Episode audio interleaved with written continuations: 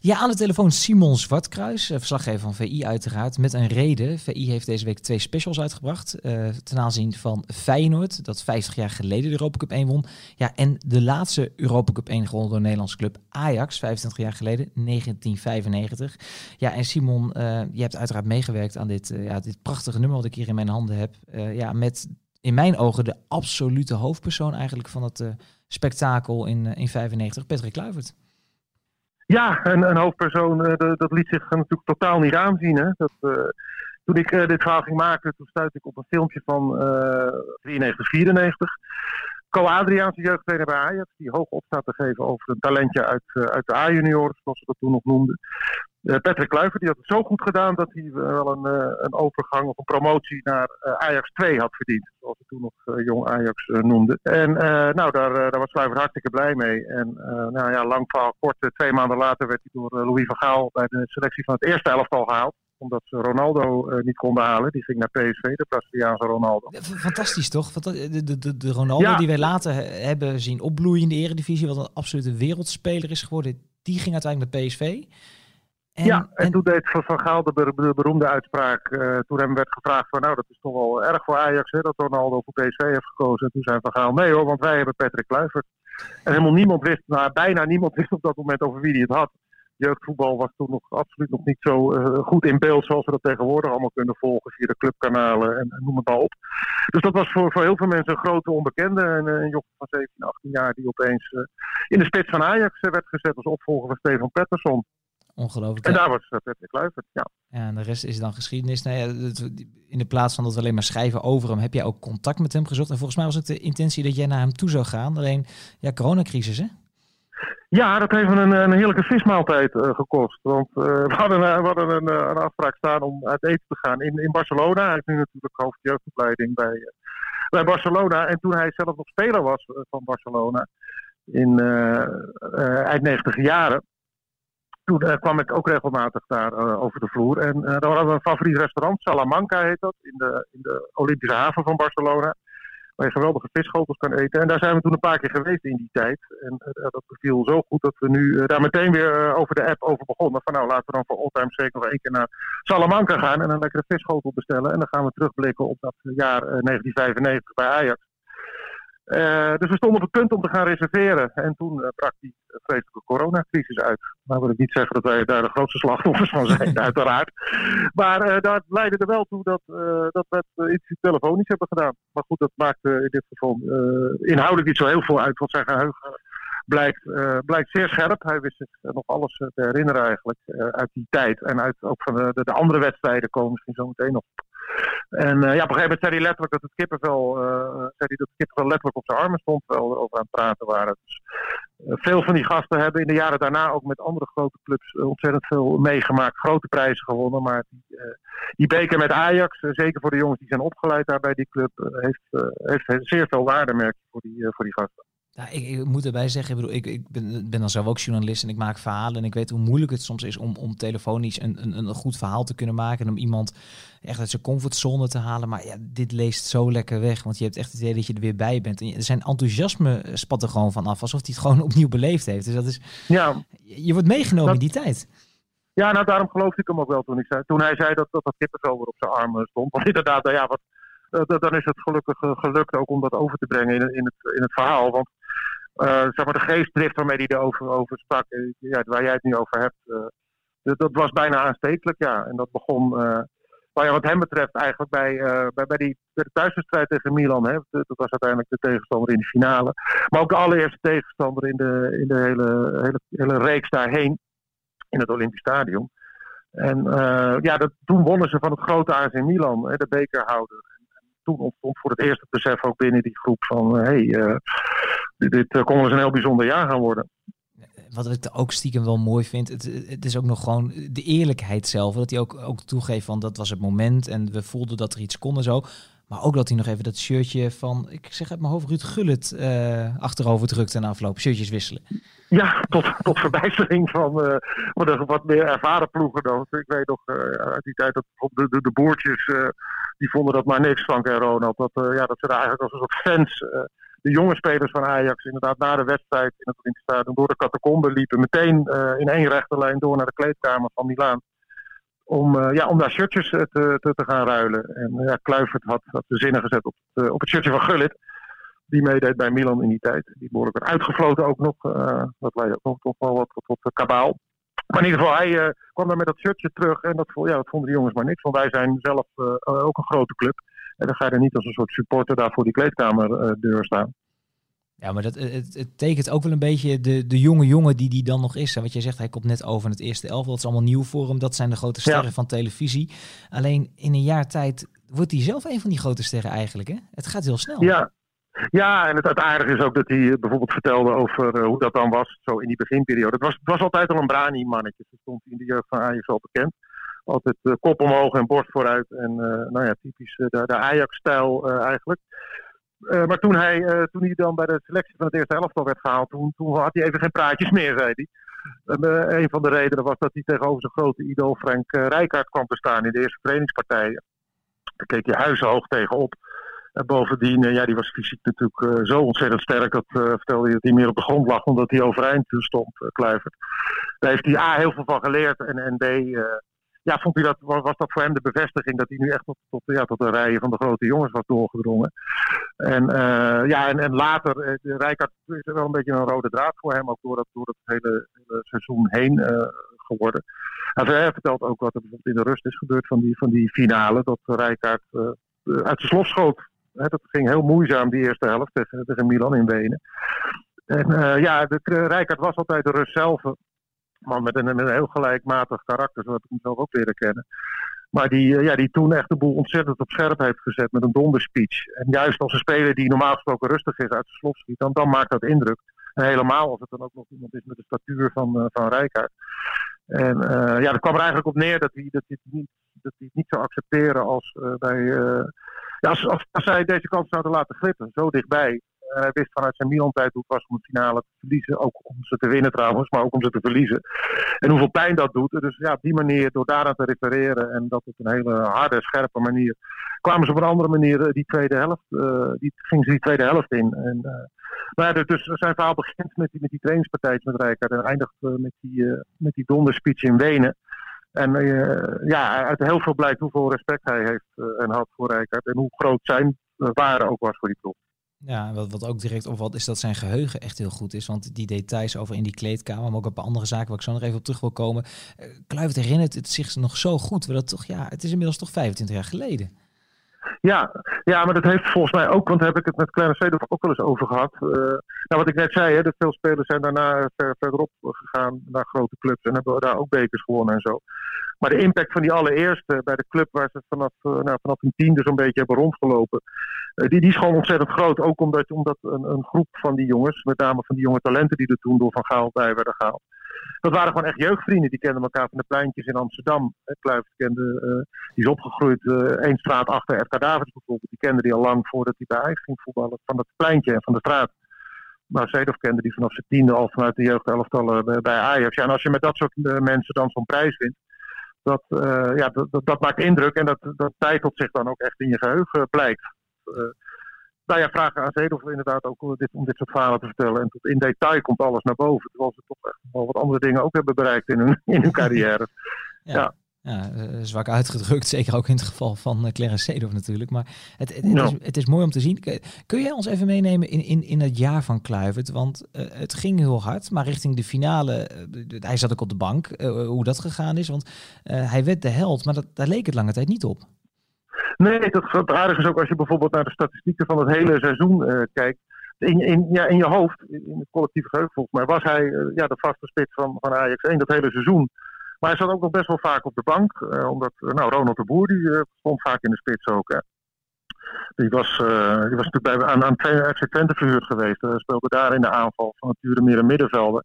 Maar dat deed hij goed daar in, in Twente. En dat, dat leidde ertoe dat hij ook bij Ajax regelmatig in het punt van de aanval stond. Ze hadden Canu nog, uh, net zo jong als Kluivert, maar uh, ja, ook, ook een centrumspits. En uh, ja, als je kijkt naar die hele, naar die hele reeks wedstrijden in, in de Champions League, dan heeft Kluivert de helft van die wedstrijden maar in de basis gestaan. En Ronald de Boer de andere helft. En, en Canu dan ook nog, ook nog twee keer. Dus dat, dat, dat, geeft, een wat ander beeld eigenlijk dan dat het in het, in het geheugen zat, bij mij althans. Ja, bij mij ook. ja, en wat ook opviel dat seizoen is dat hij de keren dat hij dan inviel bijna nooit scoorde. Dat was natuurlijk wel grappig als je, als je dat in het licht van die finale bekijkt. Dat hij toen als, als, ja, juist als invaller het, het verschil maakte. Als basisspits uh, scoorde hij bijna iedere wedstrijd dat hij dan in de basis stond. Was invaller dus eigenlijk alleen daar in Wenen heel, heel succesvol. En verder was het voor hem een seizoen waarin hij heel snel door zijn, ja, door zijn watervrees en plankenkoorts heen was. En eigenlijk vanaf het allereerste moment ja, bij zijn debuut al scoorde. Zoals een, een, een Ajax-talent betaamt in de, in de wedstrijd om de Johan Cruijff gehad tegen Feyenoord. En ook in de eerste competitiewedstrijden iedere wedstrijd scoorde. En toen was hij er doorheen. Eh, toen, toen voelde hij zich gewoon echt een volwaardige speler van, van, van Ajax 1. En hij wist ook dat, dat Ronald de Boer ja, veel verder was dan hij in ieder geval in, in, in ervaring. Uh, dus hij heeft er ook nooit stampij van gemaakt als Van Gaal dan uh, vaak om tactische reden voor, voor de Boer koos. En die vulde dat toch op een iets andere manier in. Liet zich, dat was meer een, eigenlijk een valse spits, een combinatie tussen de nummer 10 en de nummer 9. En uh, ja, Kluivert was natuurlijk meer echt, echt een, een, diepe spits. Dus het hing ook wel een beetje van de tegenstander af voor wie die dan koos. Maar ik, ja, hij vertelde ook Kluivert dat in die finale bijvoorbeeld. Daar, ja, daar, daar zat hij natuurlijk op zijn kans te hopen. Hij had, hij had in, zijn, eigen kop geprent dat, hij sowieso ging scoren die avond. Hij, ook al zou hij op de bank beginnen, hij was er heilig van overtuigd dat hij, dat hij A zou invallen en B dan ook, ook de winnende goal zou maken. En zo is het ook gaan imagineren. Daar is het woord imagineren van, van Louis van Gaal. Hè. Die, die vroeg aan zijn spelers altijd om, om, om, van tevoren in je hoofd al te spelen. En nou, zo deed Kluivert dat ook braaf. En en hij, ja, hij fantaseerde eigenlijk dat hij die winnende goal zou maken. Maar Van Gaal wil gaan wisselen. Zedel werd vlak na rust werd hij eruit gehaald. En Kluivert dacht, nou ja, nu, nu komt een kans. Maar toen bracht hij Canoe erin. Dus toen dacht hij nog even, shit, dit gaat helemaal niet, dit gaat niet de goede kant op. Want hij zal toch niet twee centrumspitsen erin gaan brengen in de tweede helft. Maar nou, dat deed Vergaal dus wel. Jari Liedmanen die had in, in, de aanloop naar deze wedstrijd heel veel last van hooikoorts. Dus die voelde zich sowieso al niet heel erg fit. Die zat er helemaal doorheen na, na zeg maar halverwege de tweede helft. En toen was het moment voor Kluivert, voor Kluivert aangebroken. En uh, ja, tien minuten later uh, dat befaamde puntetje. Dat befaamde puntetje. Wat ik, wat ik wel nog opvallend vind in de aanloop naar die finale. Kijk, hij is natuurlijk, uh, je schrijft ook op dat hij geopereerd is. Dat hij net op tijd weer fit is.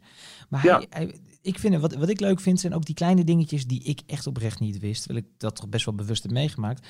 Voorafgaand aan die wedstrijd, dat ze te vroeg in dat stadion zijn. De, de, de grootste wedstrijd in je leven is dat dan. Ja. Uh, maar, maar, ze waren wat vroeger dan gepland in het stadion, dus ze konden niet zeg maar, aan de warming-up beginnen. Dat, kun, kun, je heel vertellen wat daar gebeurde? Ja, dat, uh, ze, hadden op meer verkeersstoppingen gerekend op weg naar het stadion, maar dat werd een vrij rimpeloos busritje. Dus ze waren daar inderdaad te vroeg. En toen uh, de, de, de, jonge gasten, die, ja, en iedere speler die pakt dan zijn eigen ja, voorbereiding eigenlijk. Die trekt zich even terug en de ander draait een muziekje. En Kluivert en Seedorf en David, die uh, ja, dat, uh, waren sowieso op balverliefde jongens. Die pakken een bal en die gingen daar in die gang van, van die catacombe gingen ze ja, een balletje trappen. Een beetje, een beetje hoog houden en een beetje overtikken. En iedere, iedereen die daar voorbij kwam lopen, vaak officials of ja, materiaalmensen van, van, de, van Milan of nou ja, wie dan ook, die proberen ze te poorten. En dat lukte vrij vaak, want dat waren jongens van het pleintje waar een panna natuurlijk het hoogst haalbare was. Dus ja, dat, dat, leidde tot wat ontspanning en tot, tot hilariteit. En ook tot een hele vreemde ontmoeting met een man in een, in een gifgroen pak. Daar is destijds nog wel aardig wat om te doen geweest, omdat hij ook ja, in beeld verscheen en om de nek hangend van, van, van veel spelers. En met name, hij was niet weg te slaan bij Kluivert de hele tijd, waardoor de, de meest krankzinnige theorieën ook in de kranten opdoken in die dagen daarna. Dat het een man was die die, die aan voodoo, uh, voodoo deed. En, uh, die, uh, ja, hele bizarre verhalen. Terwijl dat was compleet uit de lucht gegrepen. Want tot op de dag van vandaag weet Kluivert niet wie die man is en waar hij, waar hij gebleven is. En sterker nog, hij doet in dit interview doet hij een oproep. of, of mensen weten A, of die man nog leeft en B, ja, waar hij uithangt, wie het was. Want hij is heel benieuwd wat nou het verhaal van die man is. En, ja, wie, wie het sowieso is. Wie is, Hij weet het nog steeds niet. Wie is de man in het gifgroene pak die in één keer tijdens, ja, voor de wedstrijd daar rondliep en, en die jongens ja, om de nek vloog? Ja, ja nee, laten we hopen dat misschien dat een luisteraar het wel weet, wie zal het zeggen. Dat we er eindelijk antwoord op gaan krijgen en dan zullen wij het uh, ja, in VI zetten en netjes aan, aan Patrick vertellen, denk ik, Simon. Ja, dat was zijn, uh, zijn insteek inderdaad, dat wij dan in VI die man gaan interviewen. Dat is voor eens en voor altijd het mysterie opgelost. Uh, bij deze de oproep. ja ik wil even terug naar het puntetje. Het, dat, dat ene moment. Uh, hij beschrijft dat best wel uh, ja, gedetailleerd, vind ik. Ook, ook hoe hij dat dan beleeft, hoe dat gaat. Ook, en ook dan weer met Frank, hè? Frank Rijkaard. Ja. Wat je zegt, daar komt, daar komt het op neer. En eigenlijk het mooiste tussenzinnetje vind ik dat hij de indruk had dat, de meesten zullen het doelpunt wel kennen, hoe dat tot stand komt, dat hij zegt, volgens mij wilde hij de bal terug hebben. Ja, ja en op en na aanleiding van die opmerking heb ik hem toch weer ook even teruggekeken. Want wat je zegt, dat is een, een, een moment wat iedere voetballiefhebber in, uh, in Nederland al vaak heeft uh, teruggezien door de jaren heen. Maar je, je, ziet het inderdaad ook aan de lichaamstaal van Rijkaard. Die, gaat, die zet echt een combinatie op met, met Kluivert. Althans, dat denkt hij. Dus die loopt, uh, nadat hij hem heeft ingespeeld, inderdaad door de 16 in. Maar ja, Kluivert die heeft hele andere plannen.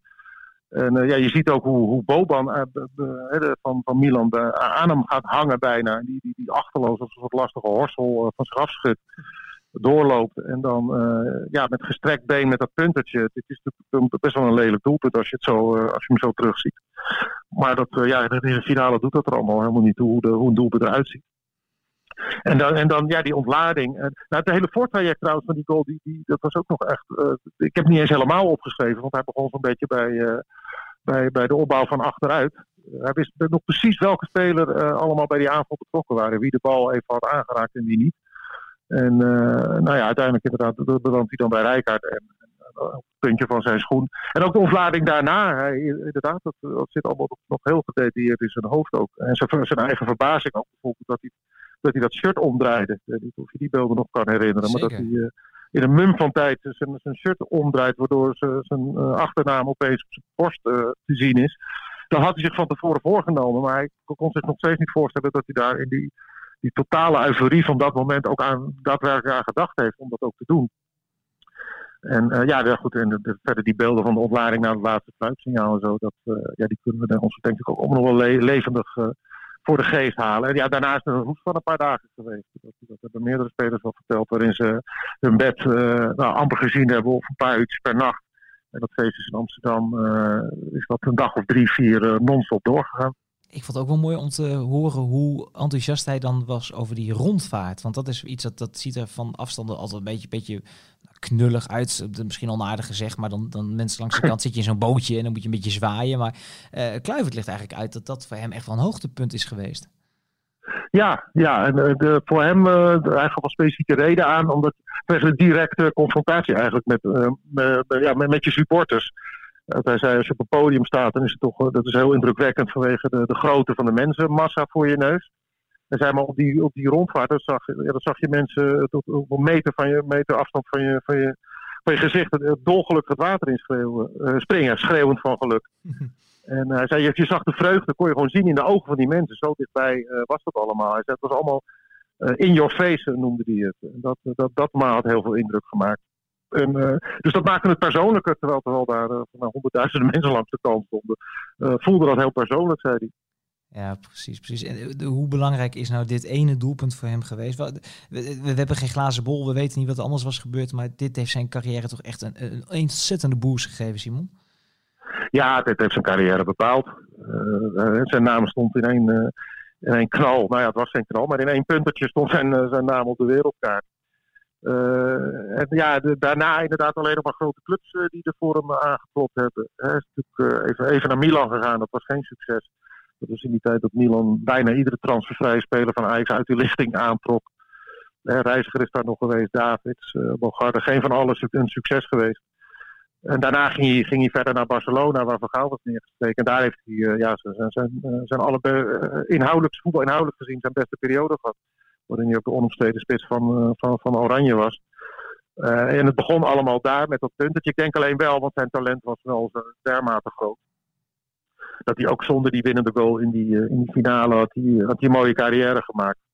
Ja, want als je op, die leeftijd al zo, ja, zo dringend aanwezig bent in, in zo'n seizoen, waarin Ajax ook in de competitie ongeslagen kampioen werd, uh, dan, ja, dat, dan uh, kun, je, kun je er blind van uitgaan dat daar een mooie carrière in het verschiet ligt. Maar deze goal, ja, die, die hangt voor altijd aan hem. En dat, ja, je merkt aan hem ook hoe trots hij daarop is. Ja, en je kan, er kunnen heel veel dingen aan je hangen. De, keepers met blunders, polletjes, dit soort dingen. Maar ik denk als hij ooit een keer uh, hè, 85 is en ergens in een uh, in het huis zit met andere leeftijdsgenoten, dat hij heel gelukkig terugkijkt kijkt op dat ene puntetje in, in Wenen, Simon. Ja, nou, ik merkte, dat merkte ik nu al. Want toen ik de, de cover van deze special kreeg, kreeg doorgeappt vanaf, vanaf de redactie toen heb ik die even aan hem, aan hem doorgestuurd, ook om te laten zien hoe het eruit zou zien. En uh, binnen de minuut reageerde hij zo enthousiast en zo trots. En dat vind ik dan ook wel grappig, dat iemand met zo'n carrière zo uh, blij is dat hij op die manier op de cover van uh, een special van VI staat. Ik denk dat we de special maar even door moeten sturen richting Barcelona. Ik denk dat hij, dat hij een mooi plekje krijgt in, in Huizen Kluivert. Hij stuurde inderdaad zijn adres erachteraan, zodat we hem konden sturen. Ja, dus dat gaan we doen deze week nog. Simon, als ik jou was, zou ik gewoon nog even wachten tot de coronacrisis afgelopen is. En dan kun je hem onder je arm meenemen en dan een leuk visrestaurantje uitzoeken en hem dan uh, persoonlijk overhandigen. Dat is een veel beter idee. Goeie tip, dankjewel. Bij deze.